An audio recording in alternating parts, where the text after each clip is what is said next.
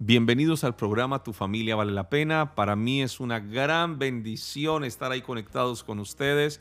Tantas personas que se han estado uh, conectando, escribiendo, preguntando por este programa. Pues bien, estamos allí para bendecirles. Porque hoy vamos a hablar acerca de vencer el temor. Tantas personas que tienen este esquema, esta estructura de pensamiento, no solamente de pensamiento, sino que esto se les volvió un hábito y es un miedo al futuro. Usualmente es al futuro, más que al pasado. Pero ese futuro está relacionado, está condicionado por experiencias del pasado. Millones de personas viven bajo la opresión de la cárcel del temor. La palabra de Dios revela que el temor domina muchas vidas en esta tierra y en este país. Esta cárcel tiene un efecto contrario a la fe. Quien vive preso de esta cárcel de temor vive como consecuencia el cumplimiento de todo lo que le teme. ¿Y qué si me roban? ¿Y qué si me, me va mal? ¿Y qué si no me gradúo? ¿Y qué si no me caso? ¿Y qué si? Tal como le ocurrió a Job, este varón de la Biblia, este famoso patriarca de la Biblia, dijo, lo que temí, eso me ocurrió. Y es que la cárcel del temor tiene tanto poder que destruye a los seres humanos, haciendo que les ocurra y se materialice todo lo que temen. En Job 3:25 dice, porque el temor que me espantaba me ha venido y me ha acontecido lo que yo temía. No he tenido paz, no me aseguré, ni estuve reposado, no obstante, me vino turbación. La Biblia dice, en cuanto al temor, promete el Señor, no temerás al terror nocturno, ni a saeta que vuele de día una de las cosas que más le pasan a nuestros niños en su edad, en sus primeras etapas del desarrollo, es que se enfrentan a terrores nocturnos, que aunque bien esto es temporal, a veces los padres se sienten frustrados en ver cómo sus hijos o, tener que evidenciar cómo sus hijos sufren de pesadillas, como yo les llamo pesadillas con ojos abiertos, y, cosas que, que están viendo en ese momento con sus ojitos abiertos, entre dormidos muchas veces. Pero la Biblia dice en el Salmo 91.5, no temerás el terror nocturno ni a saeta que huele de día. Quiero que me cuentes a qué le temes, cuál es tu fobia. Proverbios 3:24 dice, cuando te acuestes no tendrás temor, sino que te acostarás y tu sueño será grato. Hay personas que solo pensar en la noche y en que va a llegar la noche les causa tanto miedo tanta angustia porque no quieren la noche. Pero para Dios es lo mismo la noche que el día, pero para ellos no. Ellos sí temen que algo pueda ocurrir, que les salga la, mano peluda por algún lado. Eh, y temen estas, eh, temen estas cosas que puedan acontecer.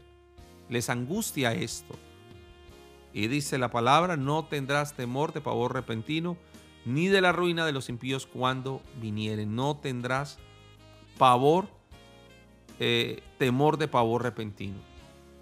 Esas de las cosas que más, o esas sensaciones en que la persona tiene una premonición, un presentimiento, una cosa, un miedo que algo puede ocurrir. Pues bien, ahí está, Proverbios 3:25. No tendrás temor de pavor repentino, ni de la ruina de los impíos cuando vinieren. Hay personas de verdad que no van a un viaje en familia porque temen que algo pueda acontecer. No sé si tiene que ver más con un espíritu de control o con, una estructura de pensamiento más de control que de miedo, pero la verdad es que el temor paraliza.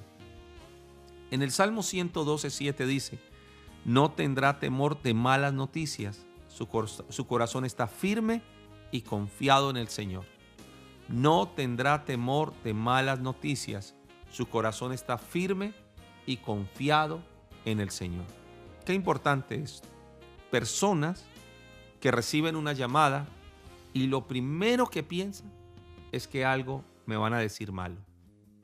Dígame para esas personas que hay unos dichos muy populares en, nuestros, en, nuestros, en nuestra cultura que dice, le tengo una noticia, una buena y una mala. Para esas personas, decir mala noticia les genera toda clase de ansiedad. ¿Sabe qué dice la Biblia, la Biblia en el Salmo 112.7? lo voy a volver a repetir, no tendrá temor de malas noticias. Su, su corazón está firme y confiado en el Señor. Y es que hay personas, amados, que sufren de temor a la muerte. Es más, tienen la sensación de que les está dando un paro cardíaco y lo que tienen es un ataque de ansiedad, porque sienten que su cuerpo se está quedando paralizado, pierde las fuerzas, sienten que, que su respiración se aumenta y se angustian de una manera impresionante. ¿Sabe qué dice el Salmo 55.4? Mi corazón está dolorido dentro de mí y terrores de muerte sobre mí han caído. No sé si es tu caso, pero si esto es así, busca ayuda. Busca ayuda urgente, porque hay personas que esto se le ha vuelto una paranoia, una creencia irracional, una estructura de pensamiento donde cree que se va a morir. Constantemente no le puede doler una mano, no puede sentir un hormigueo, una sensación de hormigueo en el cuerpo cuando usualmente las personas están haciendo ejercicio. La primera sensación es que sus poros, la piel, tiene esa sensación de, darle como una, pequeña rasquiña, decimos nosotros. O cuando la persona está corriendo, que su corazón se acelera. Hay personas que temen sentir cualquier cosa en su cuerpo porque se están mirando constantemente si tienen alguna mancha. Se, vuelve algo tan obsesivo, tan compulsivo. Dice el versículo 5 del Salmo 55, temor y temblor vinieron sobre mí y terrores me han cubierto. No sé si es tu caso, pero se te volvió la vida un miedo impresionante. Algunos son esquemas del pasado, otros traumas que no ha superado. Llamamos trauma a todo lo que usted no ha podido superar. El versículo 6 dice del Salmo 55, y dije, ¿quién me diese alas como de paloma? Volaría y yo descansaría. Y usted dice, no, lo que pasa es que yo necesito irme de vacaciones. Y allá tiene la misma crisis. No, lo que pasa es que yo necesito ir a ver a mi mamá. No, lo que pasa es que yo, mire, eso es un tema interno. Y usted no puede buscar una transformación en lo externo cuando la crisis lo tiene o la tiene en lo interno. La Biblia dice en Romanos 8:15, pues no habéis recibido el espíritu de esclavitud para estar otra vez en temor, sino que habéis recibido el espíritu de adopción por el cual clamamos, Abba Padre. Otra vez, pues no habéis recibido el espíritu de esclavitud para estar otra vez en temor, sino que habéis recibido el espíritu de adopción por el cual clamamos, Abba Padre. Dios no te ha dado un espíritu de temor, sino de identidad de hijo, para que no te sientas rechazado, ni culpado, ni castigado, sino de hijo. Y a partir de allí, yo te invito a que busques al Señor hasta que ese miedo desaparezca la única manera de vencer el miedo, o diría yo una de las únicas maneras, o de las tantas maneras, si quiero utilizar un español más correcto, es que busque realmente al Señor. ¿Sabe qué dice el Salmo 34.4? Busqué al Señor y Él me oyó y me libró de todos mis temores. ¿Cuántos temores? Todos. Aquellos reales y aquellos que son irreales aquello que se volvió una paranoia en ti, algo obsesivo. ¿Sabe? La Biblia dice en el, en el versículo 7 del Salmo 32, tú eres mi refugio, me guardarás del temor, de la angustia, y con cánticos de liberación me rodearás. Qué buena musicoterapia, colocar alabanzas. La Biblia dice que con cánticos de liberación tú me rodeas. Tu único refugio es Dios. Corre a sus brazos. Te invito a que confíes en Dios. Él no te fallará como tal vez lo hicieron otros, tus padres, tus amigos, qué sé yo. La Biblia dice que con cánticos de liberación te rodea. Ponga su alabanza en su boca. No ponga canciones depresivas que lo lleven más a sucumbir en el miedo y en el temor. No, levántese. Ponga un cántico nuevo. Éxodo 15 del 1 hasta el versículo 8 dice la Biblia, el Señor es mi fortaleza y mi cántico, el Señor es mi salvación. Echó a la mar los carros de ese faraón, echó a la mar el caballo y el jinete. Cántele a Dios. Aprenda a tener un lenguaje diferente. Ahora, algunos miedos son fobias y las fobias son miedos irracionales, incontrolables y desproporcionados. Pueden suceder frente a objetos diversos, situaciones o personas.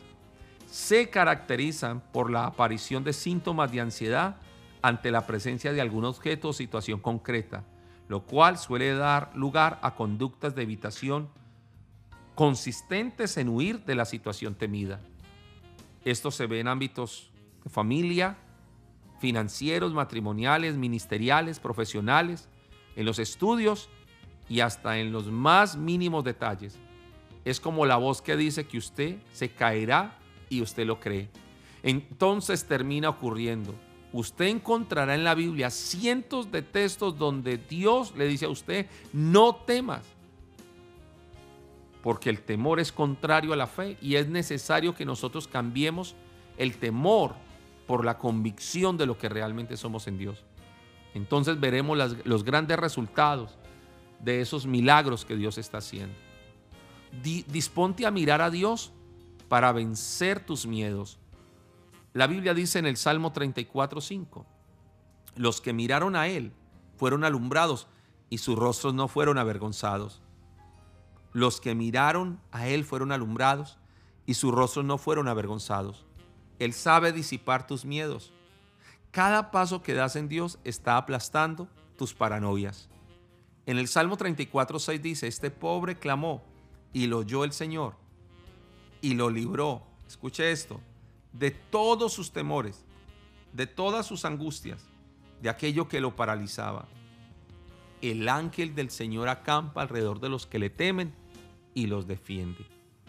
Te invito a que te hagas fuerte bajo el poder de Dios. Dios viene a pelear contigo tus batallas. Aprende a disfrutar de Dios, de tus familias y confía en Dios. Desarrolla fe. Confía en lo que Él te ha dado confía en la, ten la convicción que esa palabra que Dios te dio no, está en, no es en vano. El Salmo 34.8 dice, gustad y ved que es bueno el eterno, Jehová, dichoso, dichoso el hombre que confía en él. Salmo 34.9 dice, temed a Jehová vosotros sus santos, pues nada falta a los que le temen. Los leoncillos necesitan y tienen hambre, pero los que esperan en el Señor no tendrán falta de ningún bien. ¿Por qué la Biblia habla de temor, pero también habla de temer al Señor? Hay una diferencia entre el temor, el miedo o la creencia irracional, paranoica de que algo es amenazante para ti. Diferente esto al temor al Señor o, el temor del Señor, más bien sería un buen término, que es respeto y honra a Dios. Así que aprende a hablar en un lenguaje de fe. Cambia tu lenguaje. El miedo es una de las maquinarias del enemigo. Pero déjame recordarte quién es el que te sustenta. ¿Quién es el que te abre las puertas? Ese es Dios. Dios ha prometido que si lo buscas, te va a saciar. Que la búsqueda por su presencia supere tus miedos. Aprende a hablar en fe. Dice la Biblia en el Salmo 34, 13, guarda tu lengua del mal y tus labios de hablar engaño. Habla lenguaje de fe. Habla un lenguaje donde realmente tengas la convicción de que Dios está obrando en ti poderosamente. Tú eres lo que hablas. Y ese es el resultado de lo que tú crees. Así que la vida y la muerte están en el poder de la lengua. Así que en esta hora le puedes decir a Dios, yo quiero cambiar mi lenguaje, quiero cambiar mi sistema de creencias, quiero renunciar a esta clase de miedo paranoico, esto que me bloquea, que no me deja avanzar. Señor, gracias por transformarme en el nombre de Jesús. Amén y amén. Recuerda, tu familia, vale la pena. Bendiciones.